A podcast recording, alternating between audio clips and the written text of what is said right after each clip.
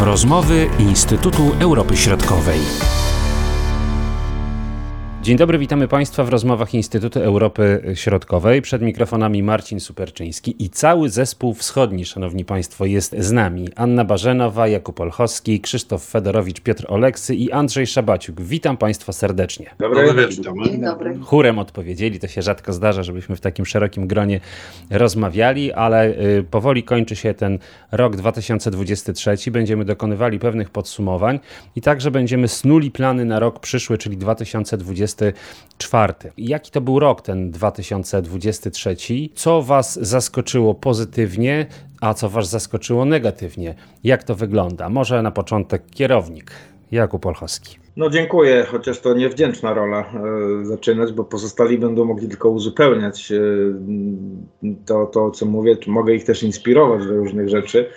A powiem szczerze, że e, pozytywnych zaskoczeń to ja nie widzę. Czy nic mnie pozytywnie nie zaskoczyło w roku 2023, ale może to jest też, może to wynika e, z mojej natury, e, bo rzadko właśnie coś pozytywnego widzę. E, Natomiast co mnie zaskoczyło negatywnie, chociaż przyznam też, że, że, wcale, że w gruncie rzeczy się trochę tego spodziewałem i trochę się tego obawiałem.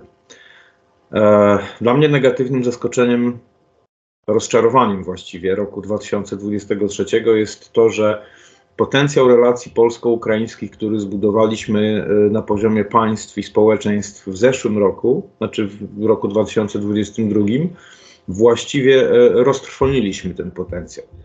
I, i jedni i drudzy. Z, z, oczywiście kwestią dyskusyjną jest, kto, kto i jak bardzo się do tego e, przyczynił. To, to, to zupełnie inna, inny temat. E, Natomiast e, myślę, że zarówno na poziomie państw, jak i na poziomie społeczeństw zmarnowaliśmy to w dużej mierze. I to, to, jest, to, jest dla mnie rozczarowanie, aczkolwiek, e, aczkolwiek powtórzę raz jeszcze, że poniekąd się tego obawiałem. E, jeśli chodzi natomiast o najważniejsze wydarzenie w, w zeszłym roku, to mm, może to trochę zaskakujące, ale, ale y, dla, mnie, dla mnie tym wydarzeniem było mm, wejście Finlandii do NATO. Wejście Finlandii do NATO, ponieważ y, rzeczywiście to, to zwłaszcza jeżeli spojrzymy na mapę, to, to całkowicie zmienia, a już nawet nie, nie chodzi o geopolitykę, ale to, to całkowicie zmienia relacje rosyjsko-natowskie, zwłaszcza w kontekście Morza Bałtyckiego. To może być, zwłaszcza, zwłaszcza w przypadku dołączenia Szwecji jeszcze do NATO, miejmy nadzieję już niedługo, w nadchodzącym roku, no to, to zasadniczo zmienia, zmienia układ sił w tym obszarze euroatlantyckim. Powoli takie natowskie jezioro się robi po prostu, tak? No tak. Zresztą podobnie jak Morze Czarne. Pamiętajmy, że tak na dobrą sprawę to e, Morze Czarne jest e, właściwie też natowskie już. E, Wszystkie, wszystkie, praktycznie wszystkie państwa leżące nad Morzem Czarnym to są albo państwa NATO, albo państwa aspirujące do NATO, czyli Ukraina i Gruzja. Więc tam e, Rosja ma naprawdę niewielki kawałek tego wybrzeża, no ale Rosja ma też Krym. I, i to jest y, też temat na, na ciekawe różne roz, dywagacje, ponieważ e, Rosja Krymu nie odda. A to, to, to też będzie, ma, ma swoje implikacje określone. Piotr Oleksy, bardzo proszę. To ja tak zanim przejdę do swoich największych zaskoczeń, pozytywnych, negatywnych, to chciałem y, zgłosić takie votum separatum wobec y, głosu y, kierownika. Powiedzenie, że Morze Czarne to też już jest takie morze natowskie, to w sumie jakby spojrzeć na mapę, no to, to, to oczywiście wie, wiele z tego, z tego się zgadza, zwłaszcza patrząc na, e, tak jak tutaj wspomniałeś, dążenie, przynajmniej takie formalne duży, e, ze strony Gruzji i pewnie dużo bardziej realne, ale za to bardziej skomplikowane ze strony m, Ukrainy. Ale jak się rozmawia na ten sam temat z e, naszymi kolegami z Rumunii, no to tam się właśnie pojawia takie często ze trwogą twierdzenie, że to jest rosyjskie jezioro. Y, Bo oczywiście jak spojrzymy na mapę, no to faktycznie ten stan, o którym powiedziałeś, y, się zgadza, ale jak spojrzymy na y, skalę zaangażowania w regionie, a co za tym idzie możliwości bojowe w regionie, no to ta sytuacja się robi odwrotna. Ponieważ y, zarówno y, marynarka, znaczy flota y, bułgarska, jak i rumuńska, tych dwóch państw na- natowskich, które tam są na miejscu, są dosyć słabe. Obecność zachodnich sojuszników tam jest y, znikoma i ograniczana przez Turcję w dużej mierze, a Turcja w kwestii Morza Czarnego w dużej mierze prowadzi taką politykę, że chętnie dzieli się tutaj wpływami z, z, z Rosją. Więc to jeśli, jak najbardziej się zgadzam z tym, co o Bałtyku mówiłeś, a odnośnie Morza Czarnego to, to jest niestety takie bardziej niepokojące. Jakaś odpowiedź będzie, czy na razie nie? Jakub Olchowski? Jednym zdaniem, bo, bo oczywiście Piotrek ma dużo racji, natomiast yy, yy, pamiętajmy, że, że Turcja, czyli NATO, kontroluje Bosfor i to, że, że tam nie ma floty, flot natowskich, sił, sił morskich NATO na Morzu Czarnym, to się może bardzo szybko zmienić. Brytyjczycy mają w tym interes, o Amerykanach nie, nie, nie wspominam. A jeżeli chodzi o flotę czarnomorską, rosyjską, to jak się okazuje, to jest akurat, o, może to jest pozytywne zaskoczenie e, tego mijającego roku. Okazuje się, że, że e, Ukraińcy, nie mając właściwie własnej floty, potrafili całkowicie niemal sparaliżować działania e, floty czarnomorskiej więc ona wcale nie jest taka e, panująca na, na, na, nad, nad tym akwenem. Wracając do Piotra, e, bardzo proszę to najważniejsze, to, to zaskoczenie pozytywne i negatywne. Wiem, że miałeś problemy z tym właśnie stwierdzeniem. W moim wypadku to pewnie parę pozytywów by się znalazło, ale jeśli chodzi o sytuację w regionie, to jest pewnie nadal trochę trudniej. Y, z tym, że no tutaj znajdę jeden taki y, pozytyw. Powiedzmy, że w tym momencie to jest pozytyw, zobaczymy jaka będzie przyszłość tego. To jest zarazem największe zaskoczenie dla mnie w tym roku jak i też chyba takie najbardziej pozytywne. To znaczy mm, taka zupełnie nowa dynamika dotycząca rozszerzenia Unii Europejskiej, która pojawiła się w samej Unii Europejskiej. To znaczy, być może to jest też efekt, że ja mówię o tym, znaczy y, w skali roku, dlatego że to są świeże wydarzenia. Dosłownie kilka dni temu Rada Europejska zdecydowała się y, dać zgodę na otwarcie negocjacji członkowskich z Mołdawią i z Ukrainą oraz nadać status kandydata Gruzji. I to, z tym, że mówię o tym w kontekście całego roku, bo to jest to wydarzenie grudniowe, to jest w zasadzie taki efekt tego procesu, który narastał w skali, w skali całego, y, całego ostatniego y, roku.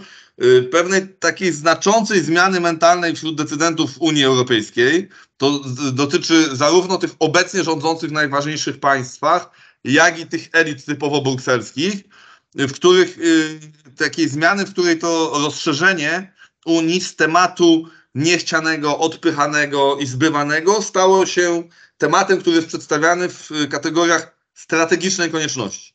Że to jest po prostu w tym momencie, w obecnej sytuacji, w cudzysłowie mówię, geopolitycznej i w ogóle na świecie, Unia Europejska nie ma, mm, nie ma y, wyjścia. To jest oczywiście zmiana przede wszystkim w języku, bo na ile to jest zmiana realna i na ile to się przełoży na realne wieloletnie dążenia, no to to, to jest właśnie ten, ten największy znak zapytania. Ale patrząc na to, co się wydarzyło w skali tego roku, to to jest y, dla mnie ogromne y, po, pozytywne, y, pozytywne zaskoczenie, które będzie miało prawdopodobnie długofalowe efekty. Oczywiście tutaj w tych pozytywach są zawsze łyżka dziegciu i to poważna, bo sposób, w jaki to zostało osiągnięte na ostatniej Radzie Europejskiej jest taki no, trochę smutny, trochę, trochę śmieszny, a trochę straszny no bo y, y, jednomyślność Rady Europejskiej w tej sprawie udało się osiągnąć dzięki temu, że Viktor Orban został poproszony o chwilowe udanie się, wyjście z sali. Jedni mówią, że poszedł na kawę, inni, że do toalety. I w tym momencie y, wśród zgromadzonych panowała jednomyślność. Okazuje się, że to jest zgodne z traktatami Unii Europejskiej. Oczywiście Viktor Orban oprotestował tą decyzję, ale oprotestował ją na Twitterze a nie formalnie. Gdyby, gdyby protestował ją formalnie, to, to, to mógłby, można by było wnioskować o coś w rodzaju reasumpcji głosowania. To jest znane nam pojęcie. Natomiast yy, oprotestował to jedynie na Twitterze, a Twitter nie ma przełożenia dużego na, na, te, te, te, na tą stronę formalną. Wrócił też w porę i zawetował pieniądze dla Ukrainy, prawda? 50 miliardów euro to zostało zawetowane przecież przez Węgry. Zostało przełożone na, na yy, styczeń i myślę, że to się... Yy, jeszcze y, to jest, ta sprawa jest jakby w grze, no ale tutaj od razu powiem też o tym negatywnym, y, największym zaskoczeniu, jakby kontynuując ten wątek, który podjął y, Kuba, mówiąc o tym, że tak szybko roztrwoniliśmy ten potencjał, który się zarysował w stosunkach polsko-ukraińskich, to muszę powiedzieć, że też tempo, jakich to powiedzmy zmęczenie wojną, jakby to mówiąc, tak, czy zmęczenie sprawą ukraińską, jak to narasta w społeczeństwach i wśród elit politycznych, europejskich, zachodnich, no to to jest dla mnie to no może nie tyle zaskoczenie, bo to cały czas się tego obawiałem, ale ten najbardziej taki negatywny aspekt i coś, o czym chciałbym, najbardziej bym chciał, żeby tego nie było z tych ostatnich miesięcy. No tak, ale tutaj też i samo społeczeństwo ukraińskie jest coraz bardziej zmęczone wojną, prawda? To nie tylko ten, powiedzmy, Zachód, prawda, ale tutaj też to się przekłada na te badania opinii publicznej, te ostatnie wyniki właśnie z ostatnich dni. Około 20% respondentów twierdzi, że już w przypadku no, tutaj ziemi za pokój to, to tak. To poparcie dla prezydenta Załęskiego też spadło do około 60%. Tego się należało spodziewać. Anna Barzenowa, y, skoro jesteśmy w temacie Ukrainy. Co cię najbardziej zaskoczyło pozytywnie i negatywnie? Wyodrębniłabym takim pozytywnym zaskoczeniem dla mnie było to, że Ukraina wytrzymała zmasowany atak na system energetyczny Ukrainy, który zaczął się od października poprzedniego roku, 2022. Um, wiemy wszyscy, że celem tam, tego ataku było po prostu zlikwidowanie całego systemu energetycznego Ukrainy i faktycznie w taki sposób um, doprowadzić Ukrainę do rozmów pokojowych. Jednak tego się nie udało, także jeżeli chodzi o takie duże pozytywy, e, jeżeli nie mówić o front e, bezpośrednio ukraińsko-rosyjski, a taki front bezpośrednio ludzki, a tutaj mamy z jednej strony cywilów, ludzi, mamy przedsiębiorstwa, a również przedsiębiorstwa, które zajmują się naprawą e, wojskowej techniki. Tak? Także to jest moim zdaniem największe i zaskoczenie, i zwycięstwo Ukrainy.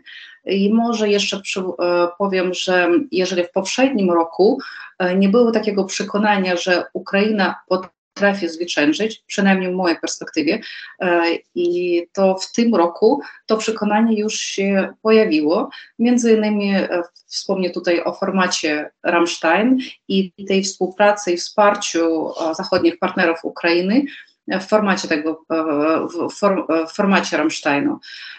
I to uzbrojenie, które Ukraina zaczęła otrzymywać e, na przełomie 22-23 roku i w przeciągu 23 roku. E, wspomnimy jeszcze o wrześniu 22 roku wyzwolenia Włodu Charkowskiego, listopad poprzedniego roku, a Rosys Rosjanie wycofały się z Hersonia, czyli to, to jest to wszystko, co w 20 roku, 22 roku stworzyło warunki dla innego odbioru wojny w 23 roku. I jeszcze raz pozwolę sobie powtórzyć, zaistniało już takie E, takie podstawowe przekonanie, nie tylko na poziomie ukraińskiego społeczeństwa, również e, na poziomie e, społeczeństw zachodnich, że Ukraina potrafi zwyciężyć. No i przechodząc do drugiego, drugiej części zapytania, negatywów, co zdziwiło negatywnie. Oczywiście negatywnie zaskoczyło niepowodzenie ukraińskiej ofensywy. E, Wiemy, że analitycy, zarówno analitycy, jak i politycy, jak zachodni, tak i ukraińscy, e, były niepewne co do przygotowania Ukrainy do ofensywy letniej, letniej jesiennej, jednak ona ruszyła no i w mojej opinii to jest dla mnie naj, największe zaskoczenie z poprzedniego roku.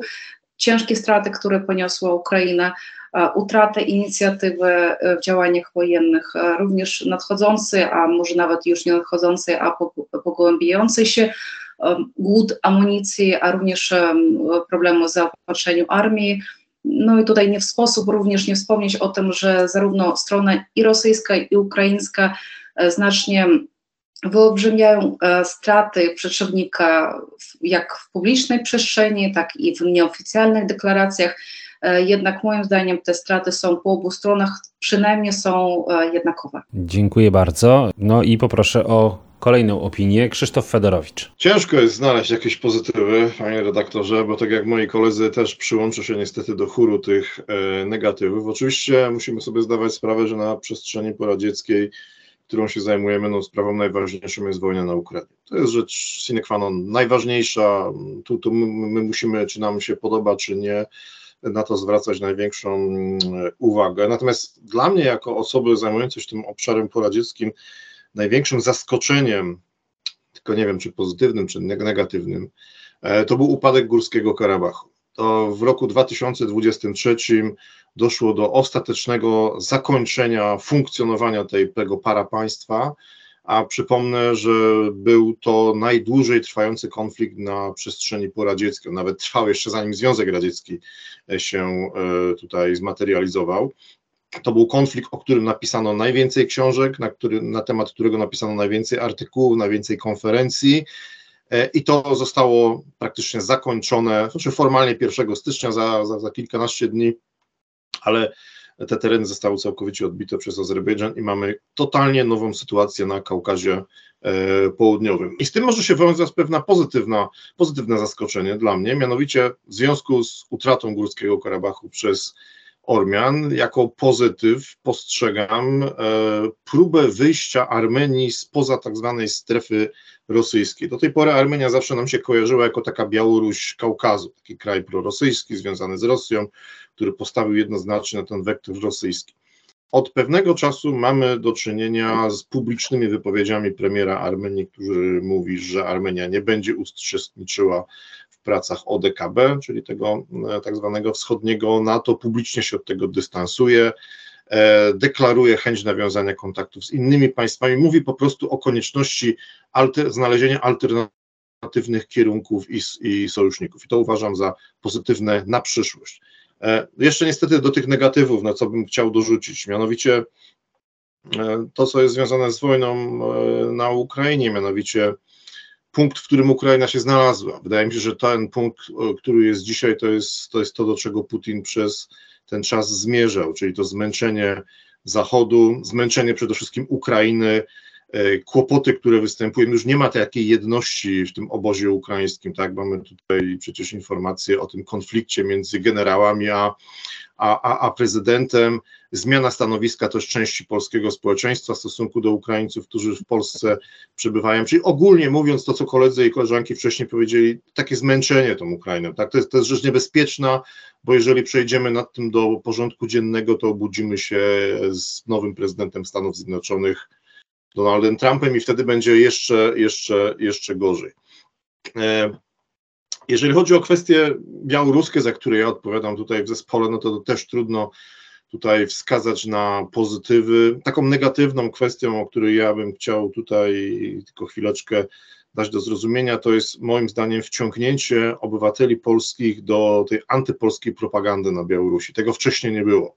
Kilka miesięcy temu pojawiło się polskojęzyczne wydanie takiego serwisu informacyjnego e, Bielta, e, polskojęzyczne audycje w Radiu Białoruś. E, część naszych obywateli mieszkających na Białorusi albo w Polsce została zaprzęgniętych w ten aparat antypolskiej propagandy białoruskiej. W tej chwili obywatel polski, który na przykład nie zna języka rosyjskiego, może posłuchać, poczytać tych informacji w swoim własnym języku. I to niestety ja klikając tutaj na te różne strony i słuchając tych audycji, widzę, e, jakie są odpowiedzi i widzę, że rzeczywiście do części osób to trafia. I to bym chyba wymienił tutaj, jeżeli chodzi o kwestię Białorusi, jako rzecz negatywną, przy całym szacunku dla tych innych rzeczy negatywnych, typu zwiększanie się systemu represyjności, e, coraz większa liczba e, osób w więzieniach, skrajne, wręcz drastyczne ustawodawstwo, dzięki któremu za posiadanie linka w komputerze czy, czy, czy, czy, czy jakiegoś kanału w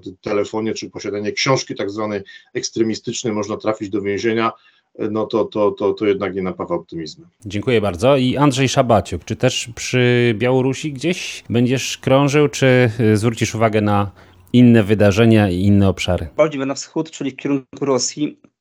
Co mnie zaskoczyło pozytywnie, negatywnie. No jeżeli chodzi o Rosję, to mnie raczej nic pozytywnie nie skoczyło, raczej negatywnie. I tym negatywnym niewątpliwie e, elementem jest to, że Rosja radzi sobie bardzo dobrze na tej wojnie. I to tak szeroko e, rozumiejąc e, to sformułowanie. I gospodarczo skutecznie obchodzi sankcje i społeczeństwo rosyjskie mimo wszystko w większości, jeżeli ufać tym danym, centrum Lewady popiera wojnę w dalszym ciągu i armia rosyjska, która po tym tak zwanym buncie Prigorzyna wydawało się, że nastąpi jakiś przełom w tej wojnie, że załamie się obrona, czy ogólnie armia rosyjska. Okazało się nagle, że ten bunt Prigorzyna był tylko takim chwilowym epizodem. Władimir Putin przy pomocy między innymi właśnie Aleksandra Łukaszenki przełamał ten kryzys i okazuje się, że też Rosjanie niestety wyciągają wnioski z tego, co się dzieje na froncie. Przestawili gospodarkę na tory wojenne. Szerzył dalej propagandę, dezinformację na Zachodzie, także na Ukrainie. I to powoduje, że niestety i społeczeństwo ukraińskie, i, i Zachód, także po części e, rozbudzeni tymi oczekiwaniami, które podsycała sama strona ukraińska, oczekiwaniami związanymi z, z kontrofensywą, e, teraz, kiedy ta kontrofensywa się nie udała, no są rozczarowani, krótko mówiąc. I, yy, i ta kontrofensywa niestety też jest takim rozczarowaniem poważnym, yy, bo ona też yy, łączy się z kwestią wsparcia Zachodu dla Ukrainy. To przede wszystkim tą dyskusją w Kongresie USA na temat pomocy Ukrainie. Wiemy, że te pieniądze są póki co zawieszone. Nie wiemy, czy one trafią w ogóle na Ukrainie. Jeżeli nie trafią, to to Ukraina będzie w trudnej sytuacji e, i, i to wszystko sprawia, że e, no, te perspektywy na przyszłość są bardzo takie pesymistyczne i e, ja myślę, że oczywiście ta, raczej, raczej te pieniądze trafią na Ukrainę, bo i Stanom Zjednoczonym i Zachodowi zależy na tym, żeby Ukraina powstrzymała Rosję, bo chyba nikt do końca już nie wierzy w to, że uda się całkowicie odbić terytoria kontrolowane przez E, Federację Rosyjską, a w szczególności e, Donbas, bo Krym paradoksalnie może być łatwiej odbić nawet niż, niż Donieck czy Ługańsk, e, które są solidnie fortyfikowane i przygotowane na ukraiński atak. Tym niemniej jednak mimo wszystko należy ocenić to, co, o czym mówiła Ania wcześniej. Pozytywnie, i to jest pozytyw, to, że Ukraińcom udaje się przeciwstawiać Rosji i machinie wojennej, bo przecież mimo wszystko to jest starcie e, Dawida i Goliata i tak naprawdę my też trochę tak uniesieni emocjami e, i sympatiami naszymi dla Ukrainy zapominamy o tym, że te potencjały obu państw, no, mamy tutaj dużo dysproporcje i Rosjanie mają inne możliwości prowadzenia tej wojny. Mają też e, sojuszników, którzy wspierają, e, wspierają Rosję, Chiny, między innymi Korea Północna czy Iran. E, I Rosja nie jest sama w tej wojnie przeciwko nie tylko Ukrainie, ale Zachodowi.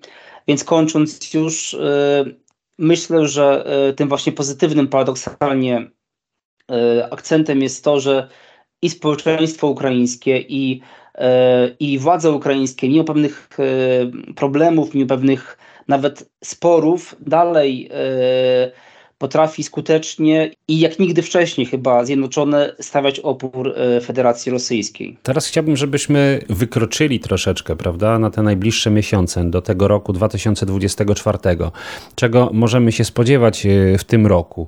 Analizując oczywiście te obszary, którymi zajmujecie się na co dzień. I znowu rozpocznę od Kuby Olchowskiego. Bardzo proszę. Kluczowe będzie i to, to wynika z tego, o czym wszyscy mówiliśmy, będzie, będzie przebieg wojny to, to jak ona się będzie toczyła, bo ta wojna jest oczywiście najważniejsza dla Ukrainy, ale ona jest e, istotna także z, z punktu widzenia e, wielu innych e, państw, w tym Polski. Nawiązując do tego trochę, o czym mówił Andrzej, to myślę, że w Rosji czeka się na ten rok bardzo intensywnie, ponieważ on będzie, myślę, dla Rosji bardzo, bardzo ważny.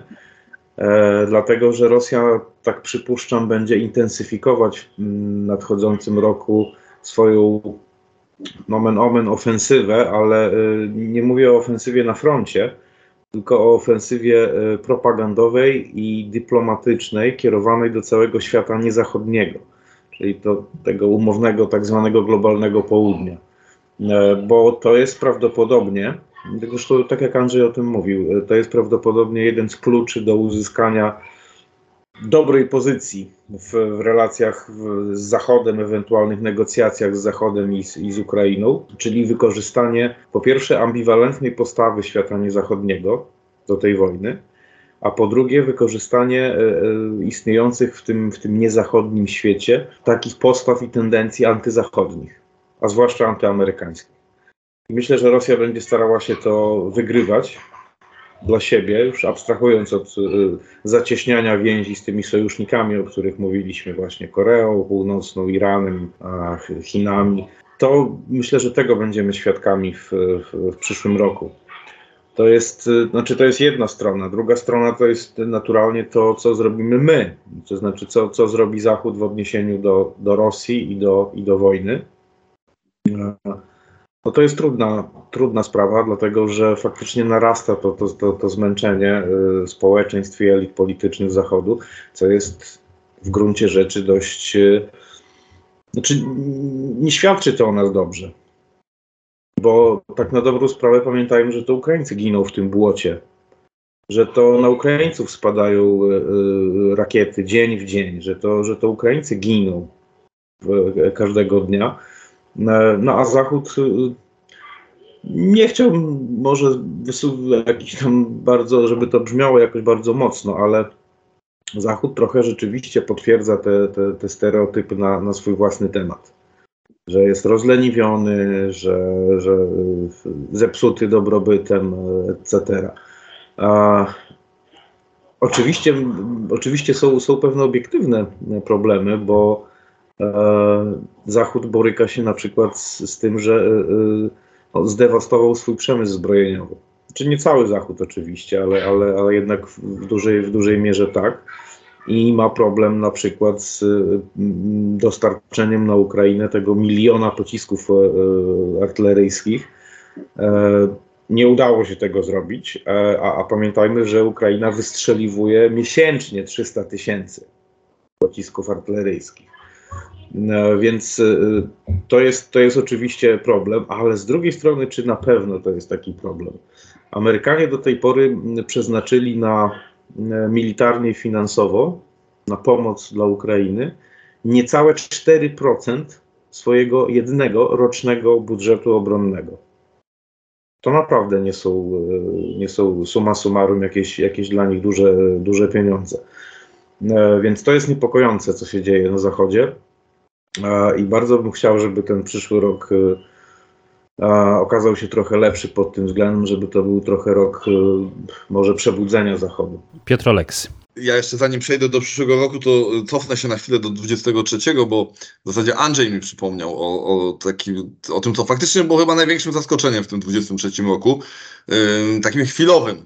Bo to był bunt, bunt Prigorzyna tak naprawdę, bo jak staramy się patrzeć tak analitycznie, perspektywicznie na cały rok, no to widzimy, że on miał dużo mniejsze znaczenie niż nam się w tym momencie wydawało, ale gdybym miał wymienić takie pojedyncze wydarzenie, że kiedy spojrzałem na telefon i sobie pomyślałem, o, co to się dzieje, to, to, to był ten moment w czerwcu, kiedy spojrzałem na telefon i zobaczyłem, że, że Prigorzyn ruszył w kierunku, yy, w kierunku Moskwy, już pomijając to, co to tak naprawdę było, jakie to miało konsekwencje, to jeśli chodzi o takie wydarzenie pojedynczo w danym momencie, to, to to była ta, ta największa niespodzianka. Jeśli chodzi o przyszły rok, to to mm, przyłączę się, mm, pociągnę trochę ten wątek, który Kuba zaczął, bo y, widzimy na jak wielu, y, jak na, wielu, na jak wielu frontach rozgrywa się ta, ta wojna i one wszystkie mają też, będą miały wpływ na mm, sytuację w Polsce i sytuację Polski na arenie międzynarodowej.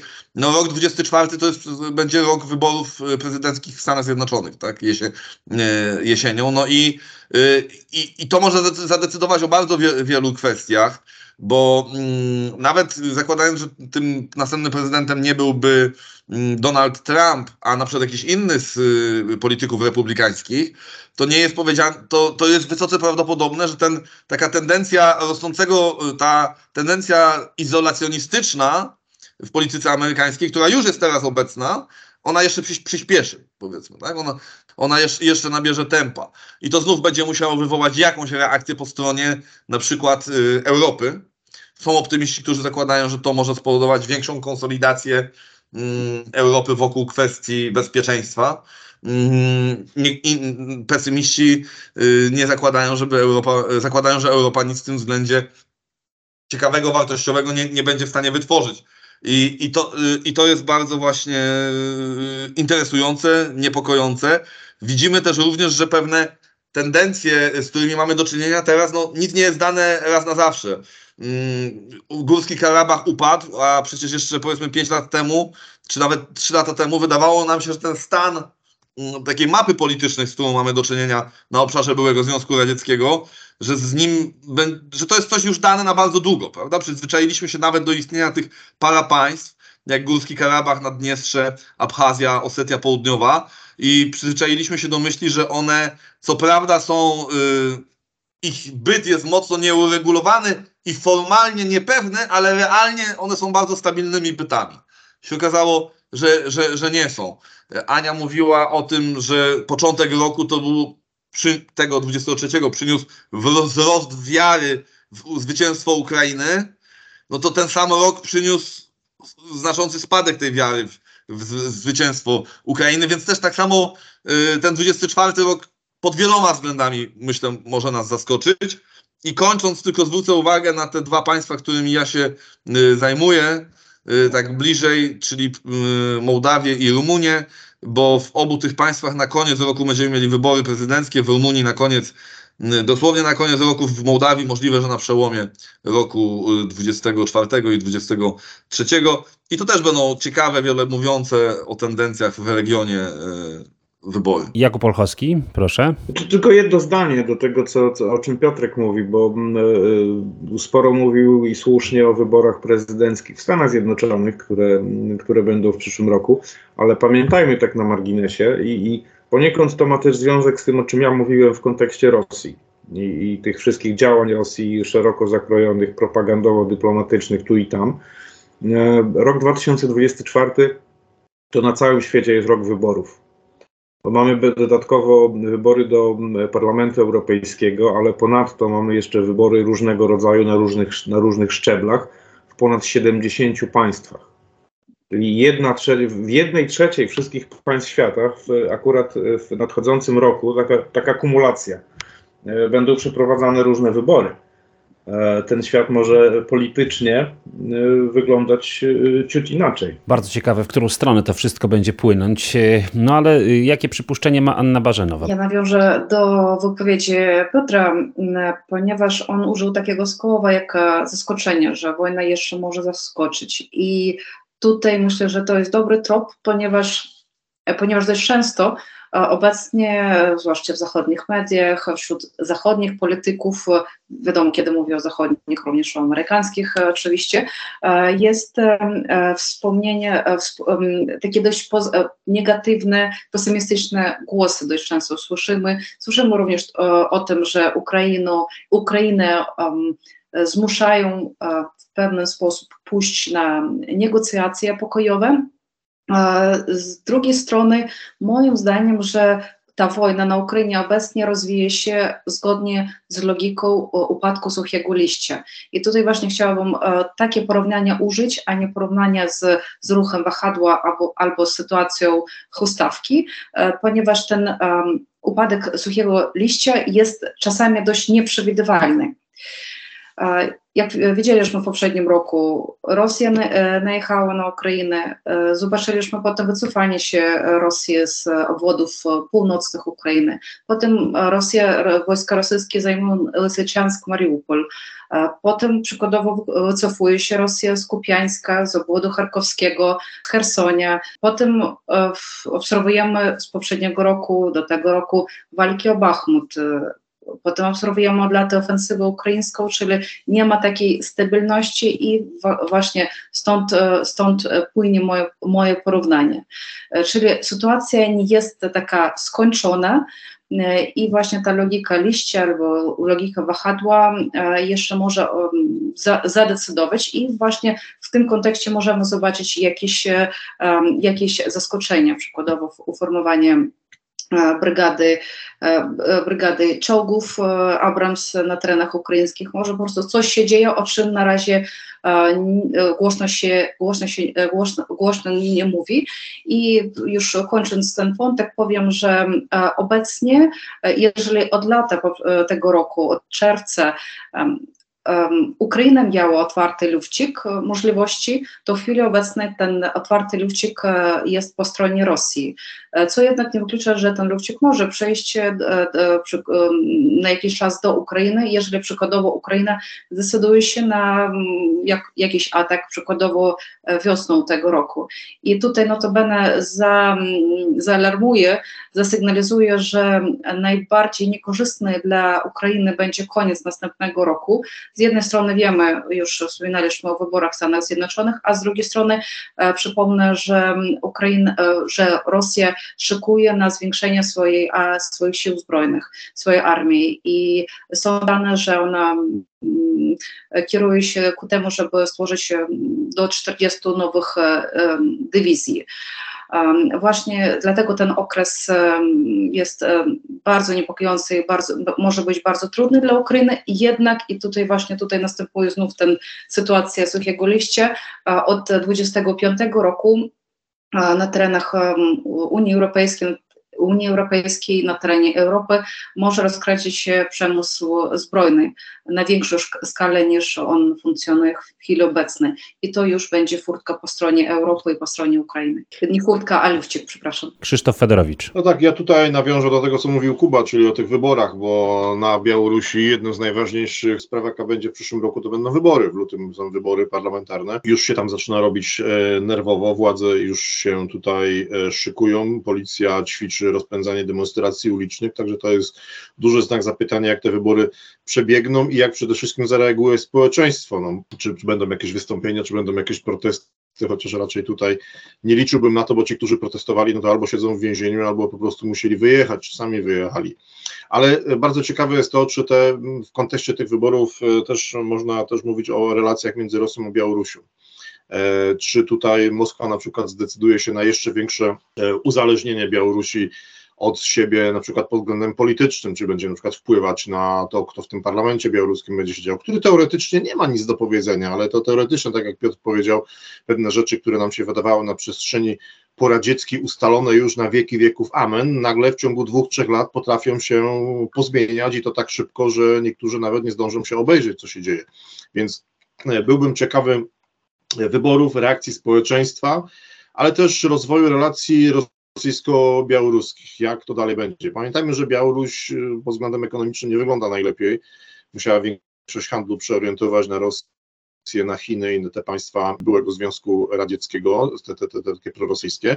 Jest też też dla mnie ciekawe, tak? Czy, czy, czy strona rosyjska tutaj będzie chciała e, jakoś skonsumować tą, tą, tą Białoruś? Inna sprawa jeszcze, bardzo ciekawe dla mnie wydaje się kwestia e, migracji e, w kontekście polsko-białoruskim. To znaczy, jestem bardzo ciekaw, jak białoruskie władze będą dalej zarządzać, może takie nieładne słowo, ale tym, tym kryzysem. Na razie mamy taki okres chwilowej odwilży, tak zwany prezent dla Tuska, czyli jest to takie kilka miesięcy, gdzie ta, e, ten, ten, ten jakby napór na tą stalową barierę został lekko przez stronę białoruską ewidentnie zmniejszony, bo to widzimy i na przykładzie Polski, na przykładzie Litwy, na przykład, prze, a przekierowano ten strumień konkretnie na, na, na, na granicę białorusko-łotewską i na granicę rosyjsko-fińską, co się wiąże, tutaj co koledzy wcześniej mówili, z tą Finlandią, zresztą sam Władimir Putin, no wczoraj bodajże chyba tam pogroził palcem Finlandii, że jak chce kłopoty, to je będzie miała.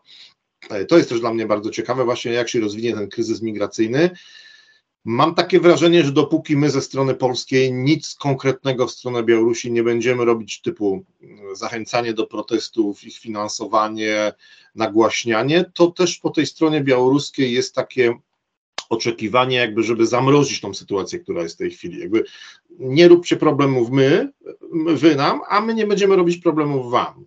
E, bo te wybory są dosyć e, ważne dla strony białoruskiej i oni chcą jakby je zrealizować e, w spokoju.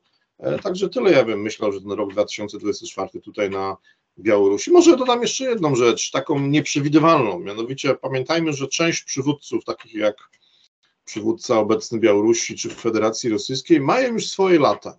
I, I ci przywódcy raz po raz mają takie problemy zdrowotne, o których nawet już nie są w stanie ich ukryć, chociażby bardzo chcieli, no czas jest nieubłagany, leci zawsze tak samo, oni są już o rok starsi będą, więc nie wykluczałbym też jakichś niespodzianek właśnie związanych tutaj z upływem czasu. Oczywiście pozytywnych. To jest właśnie ta teoria tego suchego liścia, o, których, o którym mówiła Anna, że nie wiadomo, gdzie ten liść spadnie, tak, i co się tam wydarzy. Tylko ten liść czasami może mieć zupełnie inną formę. Andrzej Szabaciuk, bardzo proszę. Pociągnę trochę ten wątek, który podniósł i Kuba, i Piotr no przede wszystkim tutaj wiele będzie zależało właśnie od efektów nie tylko może samej wojny, ale e, tych negocjacji związanych ze wsparciem Ukrainy, bo już dzisiaj dochodzą do nas komunikaty z Ukrainy, że brakuje e, amunicji artyleryjskiej Ukraińcom i muszą ograniczać e, pewne operacje na froncie z tego powodu.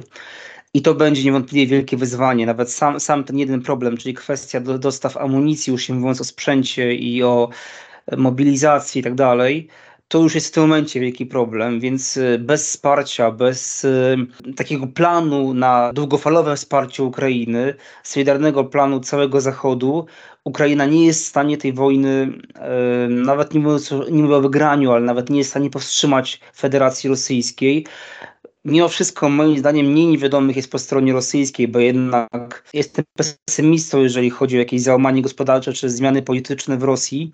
Rosjanie mają określony cel, to jest cel na lata rozłożony e, i tym, tym celem jest pod, podbicie e, czy kontrola jak największego terytorium Ukrainy i zmuszenie Zachodu do daleko idących ustępstw, więc ja myślę, że tutaj y, mam takie, taką nadzieję, że Zachód jednak pod wpływem tych no, niepokojących informacji płynących z Ukrainy zjednoczy się i odłoży na bok pewne kwestie y, mniej istotne, a skoncentruje się na takich zagrożeniach no, fundamentalnych, bo myślę, że niektórzy politycy, nawet zachodni, niemieccy czy francuscy, zdają sobie sprawę, że nie można tylko i wyłącznie liczyć na Stany Zjednoczone i na wsparcie armii amerykańskiej. E, Amerykanie mają też inne cele strategiczne. E, to jest e, Azja Południowo-Wschodnia, Azja Wschodnia. I bez większego zaangażowania i politycznego, ale też gospodarczego czy militarnego, no nie, nie będziemy w stanie na dłuższą metę tej sytuacji rozwiązać i przede wszystkim nie będziemy w stanie powstrzymać Rosji, bo tutaj mm, ja myślę, że zgodzimy się, że mamy do czynienia z takim powrotem do sytuacji po II wojnie światowej, z taką nową doktryną powstrzymywania Federacji Rosyjskiej, bo nie dążymy przecież do wojny bezpośredniej z Federacją Rosyjską, do e, starcia NATO i Federacji Rosyjskiej. I myślę, że większość polityków zachodnich ma tego świadomość i tak naprawdę yy, tylko kwestia taka, czy uda się pracować kompromis, bo państwa demokratyczne no niestety muszą kierować się też opinią społeczeństw i czy ten okres wyborczy, ten rok wyborczy przyszły nie utrudni nam takiego zaplanowanego, długofalowego wsparcia Ukrainy, które jest dla nas w tym momencie kluczowe. Nie padło tu słowa Izrael i, i Gaza i widzimy jak bardzo sytuacja w Izraelu w strefie gazy też wpływa w ogóle na światową opinię publiczną i na to mm, mm, tworzą się jakby nowe podziały polityczne wokół tego na arenie międzynarodowej, które nakładają się na wcześniejsze podziały polityczne związane z y, rosyjską agresją na Ukrainę. Te konfiguracje wyglądają tu jednak troszeczkę inaczej. No i to też dodatkowo komplikuje i dynamizuje ten, ten cały obrazek, więc tak, chciałem w zasadzie to, to dorzucić, bo myślę, że w tym podsumowaniu roku to musiało paść. Krzysztof Federowicz, proszę. Tak, ja to, co Piotr powiedział, chciałem faktycznie dodać, że w ten rok 2024 może być też rokiem, kiedy będzie nowa odsłona kryzysu migracyjnego, bo przecież my zapomnieliśmy tutaj o strefie gazy, tak? A przecież pamiętajmy, że no, Izrael raczej nie, nie, nie, zostawia złudzeń, co z tym obszarem chce zrobić, tak? No, ci, ludzie, ci ludzie już wyjeżdżają, będą jeszcze bardziej wyjeżdżać, to miejsce nie będzie się nadawało do normalnego życia i funkcjonowania. E, pytanie, kto przejmie, mówiąc nieładnie, cały ten ruch migracyjny i którędy ci ludzie będą dostawać się do tak zwanego świata zachodniego. Część pójdzie przez Morze e, Śródziemne, czyli tym tak zwanym szlakiem z Libii tutaj do, do, do, do Włoch, ale niewykluczone, że na przykład zagospodarować część tych migrantów i oni też nagle się pojawią na granicy, a to może fińskiej, a to może łotewskiej, może też polskiej, może też innej. E, może będziemy mieli inny kraj, który będzie musiał się zmagać z takim, z takim tym. Także też kwestia migracji, no myślę, że to jest kwestia, która zostanie z nami na lata. Tak? Ta kwestia już nie zostanie rozwiązana w ciągu najbliższych tam 10 czy 15 lat. To już jest coś, co, co nas e, będzie zawsze trapiło. No i też nie, zapomina, nie, nie, nie zapominajmy o tym, że jakby tak zwane posiadłości grupy Wagnera w Afryce zostały przejęte przez Federację Rosyjską, a to też niestety powoduje e, no, zwiększoną liczbę tych osób, które uciekają stamtąd, migrantów, którzy w którymś momencie dojdą na wybrzeże Morza Śródziemnego i albo się przepł prze, prze, przepławią się na drugą stronę, albo skorzystają z innych opcji i wylądują na przykład na Białorusi czy w Federacji Rosyjskiej. Także myślę, że ta kwestia migracyjna też da nam się we znaki. I Jakub Olchowski. Tak, ja właściwie tu chciałbym dwie rzeczy dodać do tego, o czym koledzy przed chwilą powiedzieli, bo Po pierwsze, konflikt między Izraelem a, a Palestyńczykami to był, to był prezent dla Putina, jak to się często, często określa. I to na tyle, na tyle chyba wartościowy prezent, że zwróćmy uwagę, że Rosja praktycznie straciła dobre relacje z Izraelem i to być może bezpowrotnie, e, które do tej pory były. Netanyahu i Putin e, całkiem, e, całkiem dobrze sobie żyli. Rosja z Izraelem utrzymywała może nie przyjacielskie, ale takie, takie dość, dość poprawne relacje. Natomiast to się, to się gwałtownie zmieniło właśnie po tych wydarzeniach z początku października i po tym, jak no, doszło do eskalacji tego konfliktu, ponieważ Rosja jednoznacznie wsparła międzynarodowo i publicznie Hamas. Tym samym no, psując, sobie, psując sobie bardzo mocno relacje z Izraelem, ale widocznie Rosja sobie przekalkulowała to i doszła do wniosku, że, że to się po prostu bardziej opłaca. E, a po drugie, to no, no właśnie to, co tutaj już wybrzmiało, ale to Myślę, że to trzeba podkreślić, bo to, to nas czeka w roku 2024 i w kolejnych. To jest właśnie kryzys migracyjny i, i ten kryzys nie będzie dotyczył rzecz jasna tylko, tylko migrantów czy uchodźców z Palestyny, ze strefy gazy. Tylko to jest znacznie szersze zjawisko, w dodatku ono będzie coraz bardziej sprzęgnięte ze zmianami klimatu. A ludzie będą coraz, y, coraz bardziej się przemieszczać i szukać miejsca nawet niekoniecznie do lepszego życia, do życia po prostu. I to nas czeka w przyszłości i, i no przed tym nie uciekniemy. Liczyłem jednak na jakiś cień większego optymizmu na koniec, ale raczej się nie da i będziemy raczej szukać odpowiedzi na te pytania i te stwierdzenia, które się tutaj pojawiały w ciągu tej ostatniej godziny jednak liczę na to, że coś pozytywnego prędzej czy później nam się tutaj pojawi i trochę więcej tego pozytywnego nastroju będziemy mieli. Może na początku przyszłego roku, kto wie. Bardzo dziękuję y, Wam za y, to podsumowanie za Wasze punkty widzenia i takie bardzo szerokie spojrzenie na szereg problemów, które mamy, które obserwujemy praktycznie każdego dnia w naszej części Europy, no i trochę bardziej na wschód. Dziękuję jeszcze raz, życzę wszystkiego dobrego na święta i w nowym roku. Do usłyszenia, do zobaczenia.